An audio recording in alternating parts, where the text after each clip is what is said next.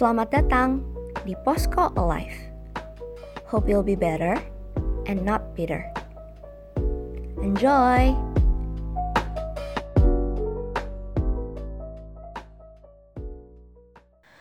Halo Sobat Alive, kembali lagi di podcast Tako atau Posko Alive bersama aku, Nafisa Diana, sebagai host kalian. Di podcast ini kita akan berbicara dengan para mahasiswa yang pernah mengalami stres berat dalam hidupnya.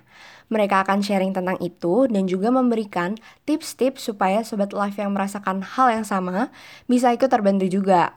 Nah, di episode ini ada cerita apa ya? Yuk kita simak. Selamat mendengarkan. Oke, kita mulai ya. Iya. Pertama, uh, dari kita, kita itu pengen nanya dulu nih apa sih yang membuat lo pengen datang ke podcast ini dan bercerita? Hmm, mungkin lebih kayak uh, pengalaman gue itu umum ditemuin sama mahasiswa-mahasiswa terutama di UMN dan uh, harapan gue sih kalian-kalian yang dengar itu kayak bisa dapat ininya apa kayak dapat insight pencerahan kayak ya ngerti lah kalau dari situasi itu kayak gimana sebagai korban maupun apa pun itu. Oke, hari ini lo mau cerita tentang apa? Maksudnya yang membuat lo datang hari ini pasti lo membawa cerita. Nah, cerita tentang apa sih yang ingin lo bawakan hari ini? Hmm, ini cerita tentang semester lalu ya.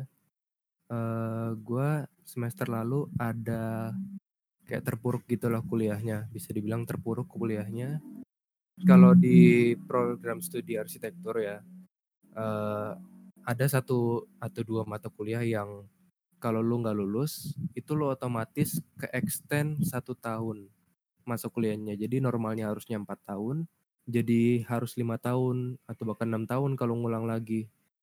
Jadi kayak ya semester lalu itu gue ngalamin itu uh, eh, gue gagal lulus di satu mata kuliah itu dan uh, alhasil gue harus nge-extend setahun gitu Uh, mungkin ini ya, apa, uh, bagi beberapa orang itu pandangan yang wajar, pandangan yang normal kayak itu hal yang udah biasa, lumrah terjadi gitu. Tapi, uh, bagi gue sendiri ada pressure dari lingkungan, dari kayak kayak dari lingkungan kita aja deh. Uh, kan anak-anak muda tuh biasa dilihatnya ya sekolah lulus 12 tahun.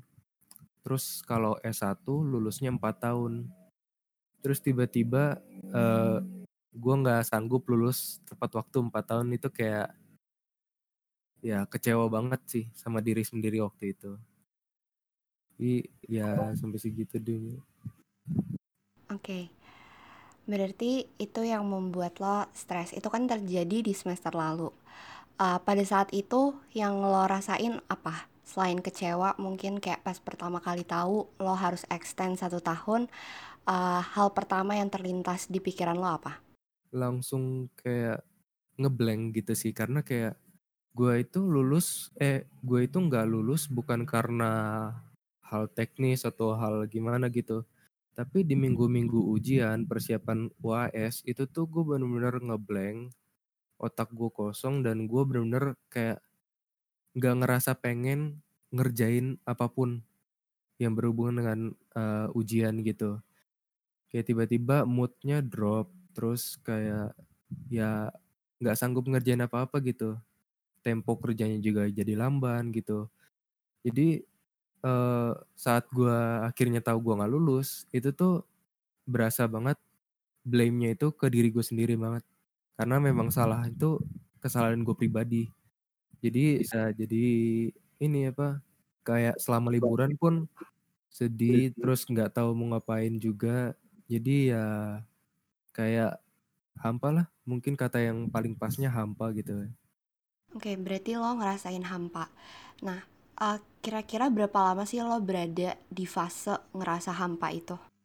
Hmm, kalau di fase itu kayaknya sekitar mungkin sebulanan lah ya kayak sebulan gitu kurang lebih sih.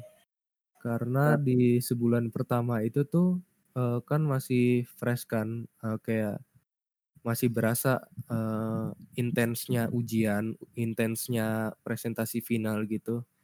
Jadi masih kebayang terus kayak aduh gue malu banget karena pada saat presentasi tuh gue ngeblank banget kayak apa sih yang gue presentasiin gitu atau atau gue aduh gue marah sama diri gue sendiri karena gue nggak berhasil uh, memenuhi ekspektasi dosen memenuhi ekspektasi orang tua.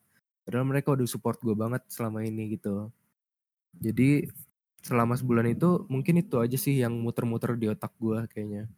Ya puji Tuhan setelah beberapa kali curhat sama beberapa orang gitu akhirnya nemu lah uh, satu dua mungkin tiga orang yang benar-benar pas untuk dijadiin temen curhat dan bisa benar-benar paham gitu nggak kayak asal ngasih advice dan itu berhasil membantu gue escape dari satu bulan yang ya sengsara itu.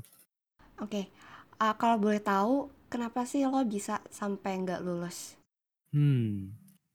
Apakah pada pada saat itu mata kuliahnya emang susah secara umum atau pada saat itu lo emang lagi punya uh, beban yang lain makanya lo uh, mungkin ke distract atau gimana?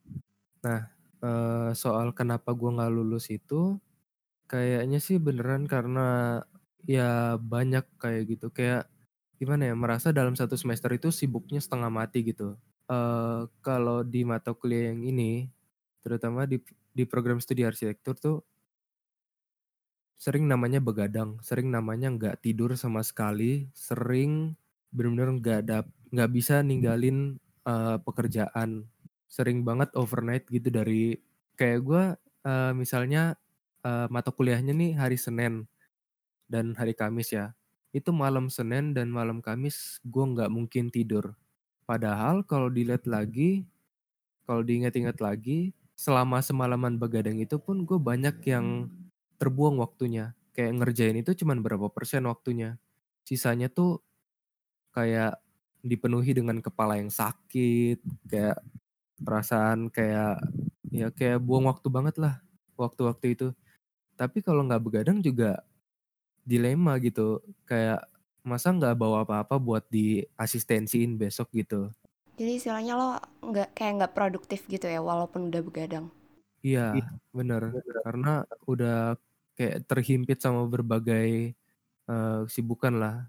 Walaupun ya bisa dibilang gue cuman kuliah sih sebenarnya statusnya ya.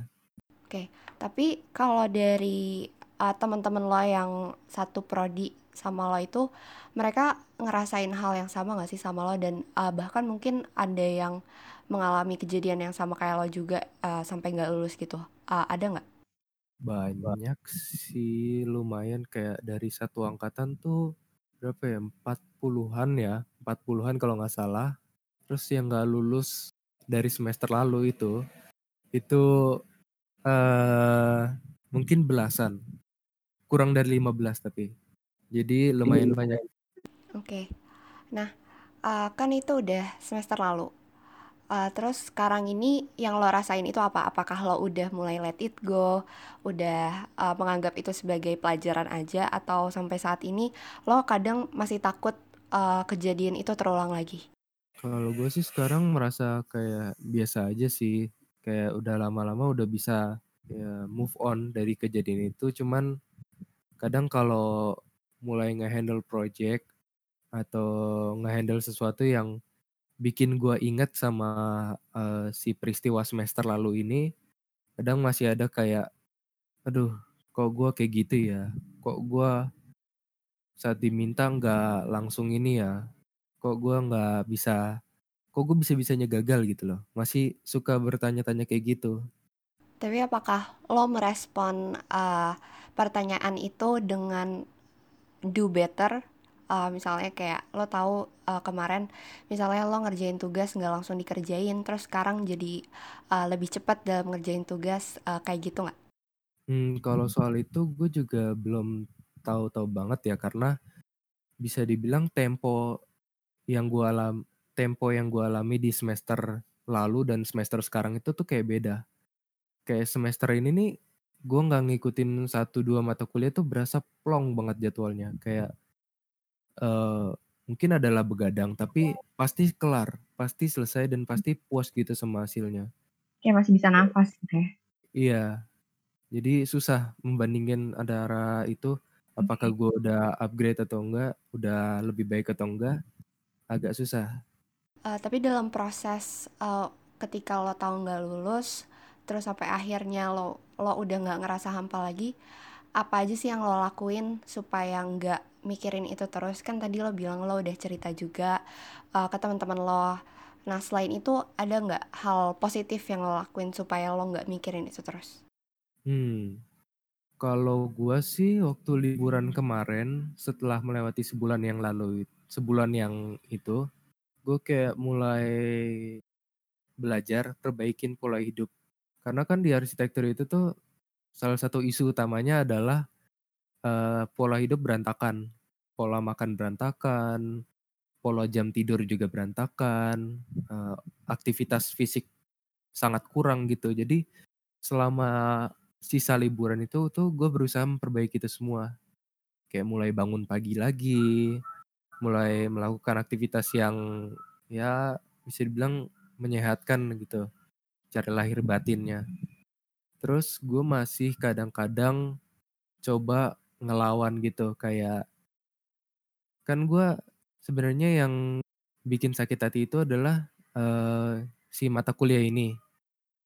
Tapi saat liburan gue coba-coba mengulas lagi saat gue udah berhasil move on nih gue udah berasa berhasil move on gue mulai ngulik lagi kayak dari proyek itu tuh apa aja sih uh, kekurangan-kekurangannya apa aja yang harusnya terjadi dan melakukan gitu Itu bagus sih. Jadi lo kayak uh, menghadapi permasalahan lo gitu instead of uh, lari dari masalah. masih mau goal utamanya tuh uh, memperbaiki pola itu gitu. Jadi ya uh, seberusaha, seberusaha semang, semaksimal mungkin sih. Supaya liburan itu tuh tetap enjoy tapi otak gue saat gue masuk uh, kuliah lagi uh, di semester ini itu udah nggak kaku lagi.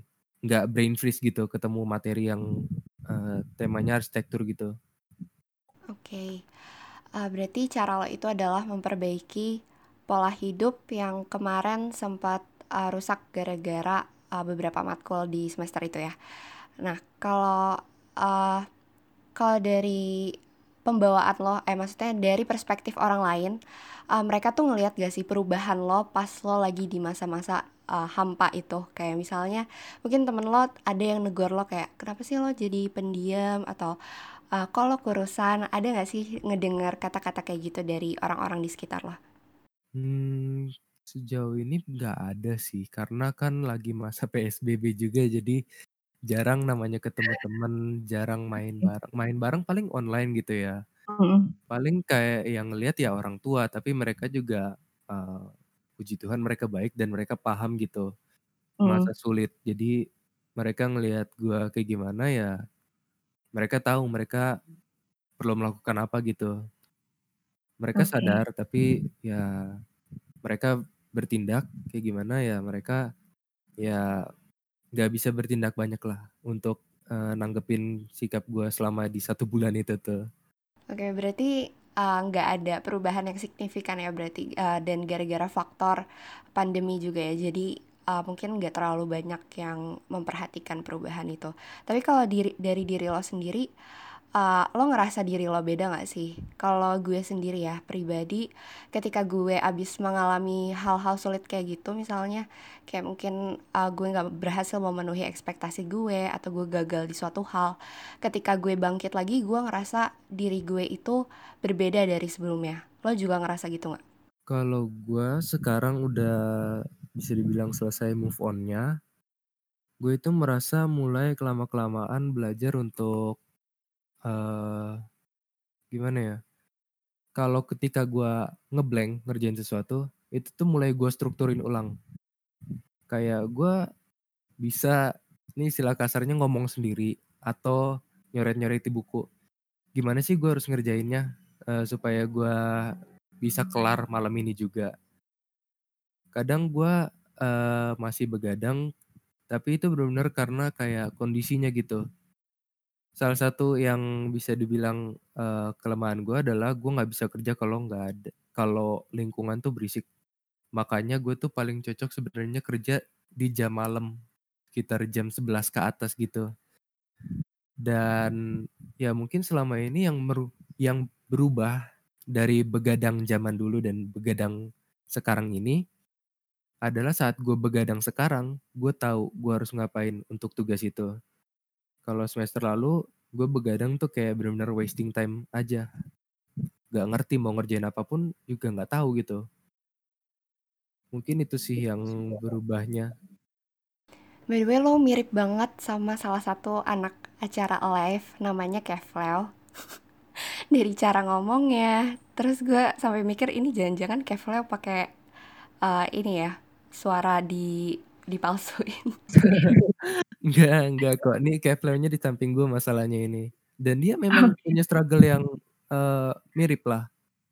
Dia punya yeah. struggle yang mirip selama semester lalu dan ya sebetulnya dia tuh karena temen lama gue dari SD gitu lah ya. Kita sampai masuk hmm. kuliah juga bareng bingung gitu ketemu aja gitu kita sebenarnya selama semester 1 sampai sekarang tuh sering namanya diskusi bareng, namanya ngerjain bareng, begadang bareng.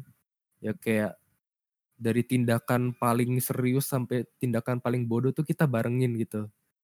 Dan mungkin salah satu faktor kenapa gue sampai gagal gitu ya di semester lalu itu karena gue kehilangan orang yang bisa gue ajak diskusi kayak dia. Asik. Kevin pasti kegeeran tuh kalau dengar. Oh enggak dia lagi kamar mandi ini. okay. Iya soalnya kalau Kevel juga gitu dia uh, kerjanya itu selalu malam. Kayak misalnya dia tuh uh, ide semacam kayak tiba-tiba bermunculan itu pas malam dan gue sebagai anak jurnal gue lebih aktif pas uh, pagi tentunya dari pagi sampai malam itu uh, gue produksi apa gitu kerjain sesuatu malamnya tentunya gue istirahat. Nah ketika gue lagi tidur itu lain gue pasti tiba-tiba dipenuhin sama chat dari Kevleo jam 1 sampai jam 4 tuh biasanya. Dia tiba-tiba kayak gitu dan itu memang iya, biasanya si Kevleo itu tuh nggak punya akhlak dia tuh. Orang tengah malam mau tidur dia lain terus dia call terus gitu. Emang emang kayak gitu dianya Oke, dan gue juga ngeliat pola gitu di lo, apa jangan-jangan semua anak arsi kayak gitu ya? Oh, memang. Kebiasaan begadang itu memang gak akan bisa lepas dari anak arsi. Mau bagaimanapun hmm. cara lo memanage waktu, mau bagaimanapun lo memanage uh, aktivitas, nyusun-nyusun kegiatan, pasti ada momennya lo begadang dan pasti ada momennya lo gak tidur seharian penuh Hmm.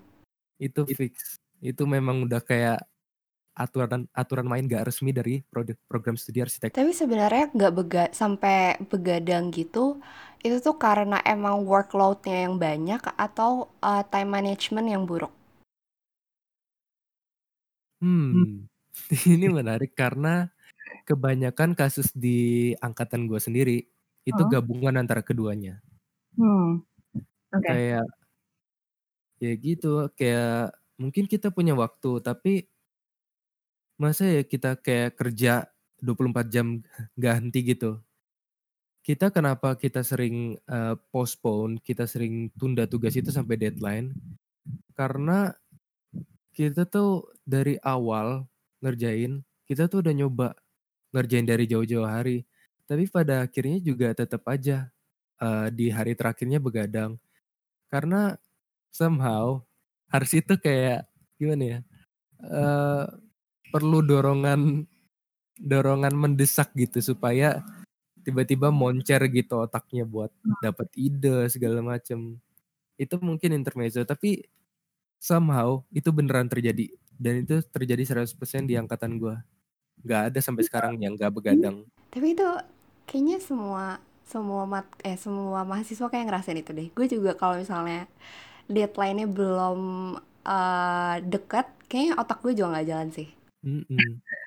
Jadi harus selalu mepet deadline. Gue ngerti sih sebagai mahasiswa.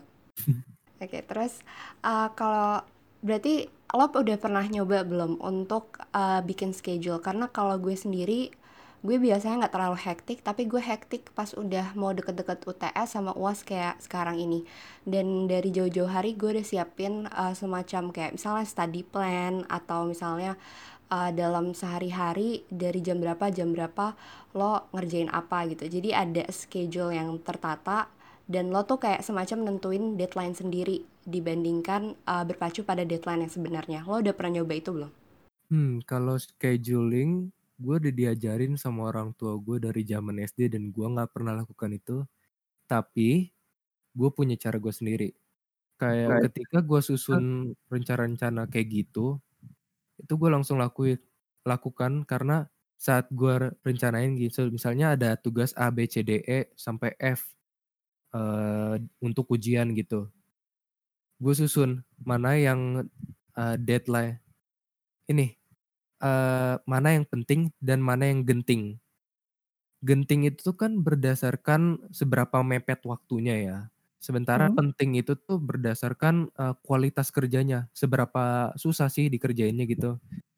Jadi hmm. gue sendiri prefer untuk mengerjakan yang paling easy, yang paling mudah, paling sederhana, tapi itu punya dampak paling besar di uh, progres gue menyelesaikan ujian.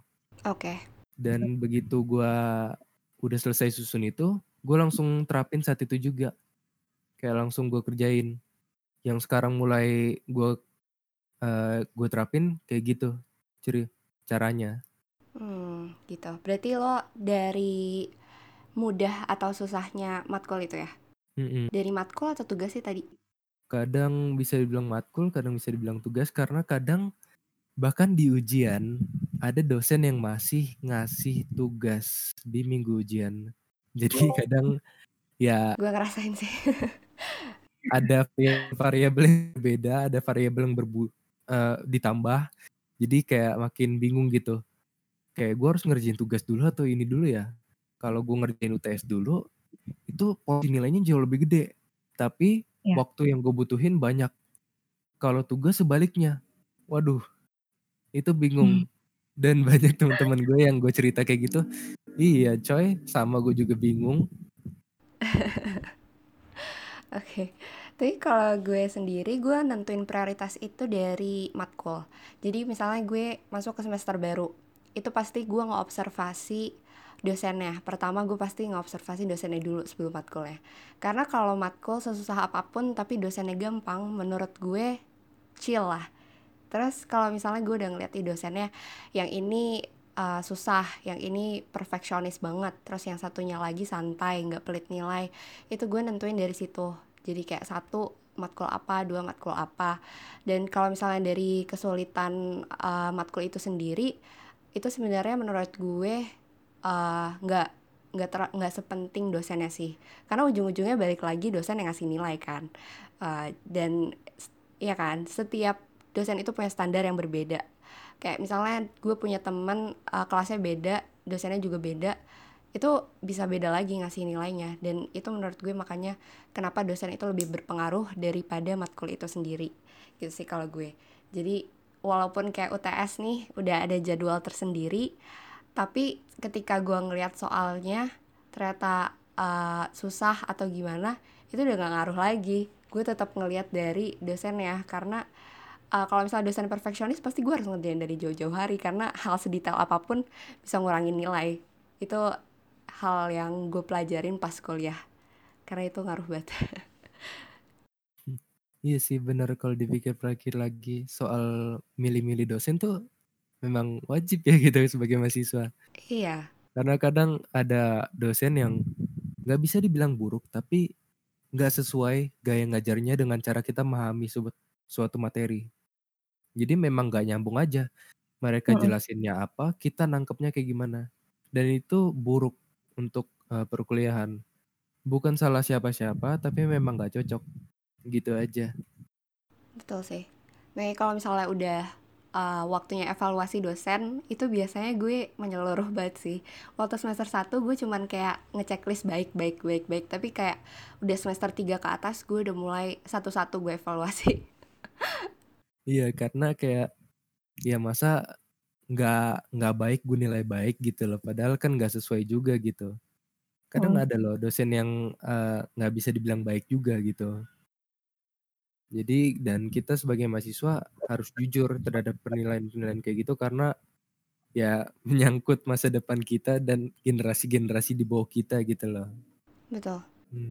Terus kalau dari lo atau mungkin teman-teman lo pernah nggak sih coba uh, mengkomunikasikan keluhan-keluhan kalian ke dosen-dosen kalian? Kayak gue uh, kemarin pas UTS itu ada uh, dalam satu hari harus ngumpulin tiga UTS produksi. Dan menurut kita pada saat itu adalah itu susah banget dan hampir mustahil karena jadwal itu baru baru keluar H-1 H-1 UTS dan waktu kita ngerjain itu cuman seminggu dan tugasnya lumayan susah terus kita akhirnya secara kolektif ngomong ke dosennya uh, ini nggak bisa ini nggak eh, nggak uh, mungkin dan kalau kalaupun bisa hasilnya itu nggak memuaskan. Terus akhirnya dari situ dosennya mendengarkan dan uh, mempertimbangkan untuk mengganti jadwalnya dan pada akhirnya jadwalnya diganti dimundurin. Walaupun satu matkul doang ya tapi itu benar-benar uh, ngefeknya tuh sangat sangat besar. Karena ya balik lagi satu matkul diundur aja tuh udah senang banget kan. Nah mungkin lo juga bisa sama teman-teman lo gitu untuk datang uh, berbicara ke dosennya supaya lebih pengertian lagi karena nggak cuma masalah nilai aja tapi mental juga pasti kena lah kalau kayak gitu ya gak sih? Iya bener. Kalau angkatan gue sendiri begitu juga. Kayak kemarin ada tiga atau empat gitu deadline yang dibarengin di hari Jumat minggu pertama. Dan itu hektik semua karena ngumpul juga sama satu mata kuliah utama yang outputnya tuh bejibun. Banyak banget. Jadi cara kita adalah uh, saat di pertemuan-pertemuan terakhir itu tuh kita ngelobi dosen. Kayak di akhir mata kuliah tuh dosennya kan nanya uh, masih ada pertanyaan nggak uh, untuk materi ini? Kita malah diskusi soal Pak tolong mundur uh, Pak atau Bu, uh, tolong mundurin, uh, jadwal UTS-nya dong soalnya kita gini gini gini jadwalnya, terus di hari itu bersama dengan, uh, mata kuliah lain gitu. Hmm. Ada, kita di RC juga ada istilah ngelobi dosen buat mundurin deadline kayak gitu.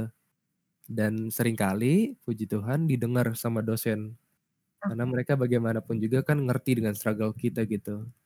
Hmm, berarti emang beneran uh, efektif ya kalau dengan cara seperti itu. Hmm. Oke, terus uh, mungkin ini pertanyaan terakhir aja. Uh, apa sih yang ingin lo sampaikan ke dosen-dosen atau atau matkul gitu lo juga bisa ngomong sama benda mati gitu kayak matkul uh, keluhan lo sama ini mungkin yang dulu atau yang sekarang lo rasain juga boleh lo bisa keluarin di uh, sekarang hmm Sebetulnya nggak banyak, tapi ini, uh, gimana ya, struggle-nya di RC itu adalah ketika, uh, bagaimanapun juga tugas yang diberikan, uh, output yang diminta itu memang standarnya begitu. Di arsitektur Inggris sampai Indonesia juga sama aja kayak gitu semua. Struggle-nya sama dan kita nggak bisa dong, uh, terkadang meminta kita bisa minta kemurahan hati dosen tapi nggak selamanya, nggak seterus-terusnya gitu. Jadi nasihat gue sih lebih kayak kayak gimana ya? Mungkin pesan gue itu lebih ke arah mahasiswa. Karena salah satu hal yang men, membuat gue gagal di semester lalu itu tuh faktor terbesarnya adalah nggak nggak ngerasa kayak nggak punya teman saat ngerjain. Oke, berarti itu tugas individu ya? Mm-mm. Sejauh ini di arsitektur tuh uh, tugas-tugas yang berkelompok itu tuh cuman sampai semester 2 atau 3 maksimal. Setelah itu udah mulai dimandiriin. Emang uh, pada saat itu teman-teman lo uh, pada ke mana? Nggak KRS-an bareng gitu? Ya gimana ya? Gue sendiri sih memang bukan orang yang terbuka dan jarang kayak uh, apa JBJB gitu apa kayak teman-teman yang lain ngerjain tugas eh gue bareng dong. Dan sejauh ini teman-teman gue yang cowok juga ya yang ngerjain tugas masing-masing gitu loh. Paling saling ngeluh atau kalau udah hektik bareng yaudah ya main gue main segame gitu atau satu match. Kalau biasa tuh yang kompak ngerjain bareng itu tuh cewek-cewek umumnya. Itu ngerjain bareng kompaknya bareng. Itu dari serius sampai bercanda dalam satu malam tuh yang paling kompak biasanya cewek. Hmm, benar nggak ya? Gimana ya? Dulu waktu pertama-pertama di semester 1, 2 di arsitektur itu tuh biasanya anak-anak satu kelas tuh kompak banget. Begadang di studio rame-rame. Nyetel musik segede segede-gedenya di studio juga nggak masalah karena yang dengerin cuman satpam di bawah doang gitu. Banyak uh, momen-momen kebersamaan yang itu tuh ngedukung banget dan nge-support di kita masing-masing untuk uh, melalui malam itu dan berhasil ngumpulin apa yang diminta dosen di pagi harinya. Mungkin kayak kekompakan-kekompakan itu sih yang menurut gue itu perlu dipertahankan buat uh, anak-anak Karsi dan mungkin bisa juga diterapin di angkatan eh apa uh, program studi lain. Teman kerja itu tuh bagi gue uh, penting. Hmm. Karena itu juga bisa jadi uh, faktor pembanding lo ketika lo ngerjain tugas. Jadi kayak seringnya itu kalau gue kerja sendiri, gue bingung hmm. yang gue kerjain tuh udah bener atau enggak sih? Udah sesuai oh. atau belum? Okay. Masih perlu ditambah atau udah kelebihan nih dari yang diminta dosen. Mm. Teman kerja itu tuh bisa ya kayak ya lu istilah kasarnya ngelihat kerjaan teman lu, oh lu sampai segitu, uh, terus lu caranya kayak gitu, ya wes gue juga kayak gitu deh. Kayak ada barengannya gitu loh. Oh, oke. Okay, tapi kalau di gue ya, gue juga gitu pas semester 1 sampai semester 3 itu masih erat banget uh, sama teman-teman sekelas waktu semester 1 terus pas semester 3 kita ke RSan bareng terus gue menemukan uh, sebuah apa ya uh, gue baru menyadari satu hal yaitu ketika under pressure gue nggak mau ngeliat teman-teman gue nggak tahu kenapa. Jadi gue sekelompokan sama teman-teman istilahnya circle gue gitu. Nah pas lagi under pressure itu keluarlah sifat-sifat asli mereka yang uh, individualis, yang egois, yang marah-marah kalau uh, diminta tolongin, terus uh, yang kabur-kaburan ketika deadline udah dekat itu semuanya kelihatan dan jujur itu agak bikin pas nongkrong gak asik. Dan makanya pas semester depannya itu gue milih untuk KRSan sendiri. Tapi gue masih nongkrong sama mereka. Dan pas gue KRSan sendiri yang gue rasain adalah gue lebih produktif. Mungkin tiap orang beda-beda kali ya. Gue justru ketika gue sendirian gue lebih produktif. Uh, kayak ngerasa gue punya space dan waktu gue sendiri dan gue nggak bergantung sama orang lain tapi tetap gue punya tem tempat cerita gitu sebenarnya beda-beda sih orang cuman yang penting itu adalah lo tetap harus punya support system uh, yang bisa ngedengerin lo yang bisa jadi tempat curhat lo uh, daripada lo harus uh, diemin semua masalah itu sendiri gitu gue setuju sih hmm. oke okay. uh, berarti tadi juga udah sekalian uh, lo mau nggak nyampein kata-kata uh, buat teman-teman lo gitu yang selalu ada buat lo atau yang udah sekarang udah nggak uh, jarang berbincang bareng lagi lo kira-kira pengen sampein apa sih? Apakah lo kangen atau lo pengen kayak dulu lagi atau apa? Ya soal kangen dan sebagainya, itu bagi gue uh, kayak momen yang udah berlalu dan kita semakin masing semakin gede, semakin tua, semakin tinggi semesternya, semakin punya uh, level pekerjaan yang berbeda-beda, cara bekerja yang beda-beda dan lain-lainnya.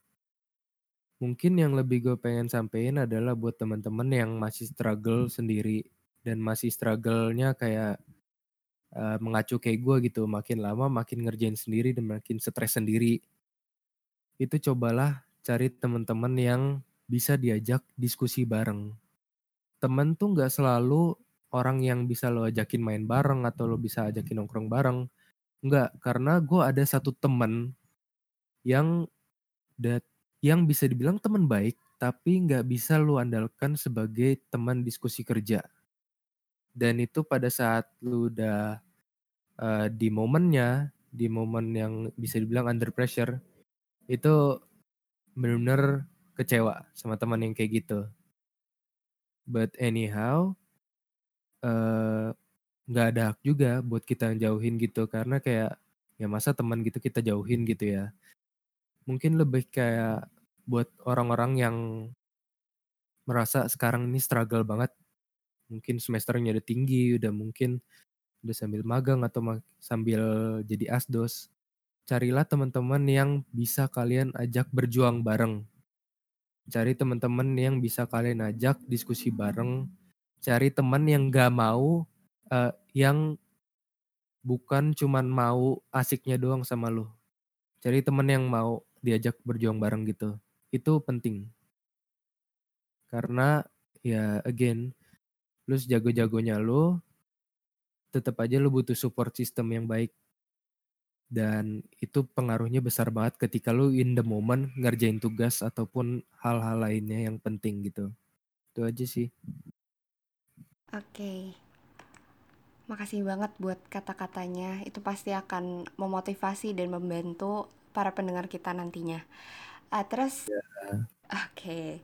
Terus juga uh, mau sedikit mengedukasi nih. Uh, udah tahu belum tema Live 6.0 tahun ini? Hmm, kurang tahu judul pasnya, tapi yang saya tahu dari teman saya, ini temanya tentang uh, broken heart syndrome ya. Iya betul banget. Uh-uh. Mm-mm. Oke, jadi broken heart syndrome itu adalah kondisi ketika uh, lo ngerasa dada lo sakit. Hampir mirip dengan serangan jantung, tapi bedanya itu broken heart syndrome diakibatkan oleh stres atau kejadian yang membuat lo stres. Misalnya kayak tadi yang lo ceritain itu kayak uh, lo di pressure atau ketika lo stres karena nggak lulus, terus misalnya lo ngerasa kok jantung gue sakit ya kayak serangan jantung itu bisa jadi lo kena broken heart syndrome nah tapi kabar baiknya adalah broken heart syndrome itu uh, bisa disembuhkan atau bisa dihindari dengan cara uh, mencegah stres jadi lo bisa mengontrol stres lo supaya enggak terlalu berat sampai lo harus merasakan broken heart syndrome gitu. Terus kalau misalnya lo mau tahu lebih lanjut nih tentang broken heart syndrome, lo bisa follow Instagramnya Alive di Instagram at alive.umnmedic dan nanti bakal ada kampanye inhale dan exhale yang bisa ngebantu lo untuk lebih tahu lagi tentang broken heart syndrome. Terus ada challenge dan juga ada talk show tentang broken heart syndrome. Nanti lo bisa datang juga nih biar lo bisa tahu tips-tipsnya uh, buat mencegah uh, broken heart syndrome langsung dari psikiater juga. Dan nanti ada sharing juga dari seorang public figure uh, seorang entrepreneur yang juga uh, terdampak oleh pandemi ini dan merasakan stres sama seperti kita-kita semua ini gitu. Menarik sih soalnya kan ini jadi isu yang gimana gitu ya, punya kayak punya tempatnya sendiri di tengah masyarakat kita yang semakin sibuk gitu ya. Bener ya. sih. Ini menarik buat dibahas. I think I'll come. Good, good, good. kita akan berekspektasi uh, lo datang ya. Terus juga gara-gara selain itu gara-gara orang-orang mungkin gak, gak menyadari stres itu ada kali ya karena kan stres itu udah dilihatnya normal. Ah gue stres karena gue sibuk ah gue stres karena ya emang manusia stres. Tapi kayak kalau misalnya stres yang udah berlebihan itu juga bisa berdampak ke fisik seperti BHS ini bisa sampai kena uh, jantung juga. Jadi makanya penting banget nih buat ikut acara-acara Life 6.0 supaya bisa mengontrol stres biar nggak kena broken heart syndrome. Hmm, bener okay. banget betul banget Itu dia cerita untuk hari ini. Semoga bisa bermanfaat untuk sobat live ya. Aku Nafisa Diana. Sampai jumpa di podcast Tako episode selanjutnya. Jangan lupa be better, not bitter.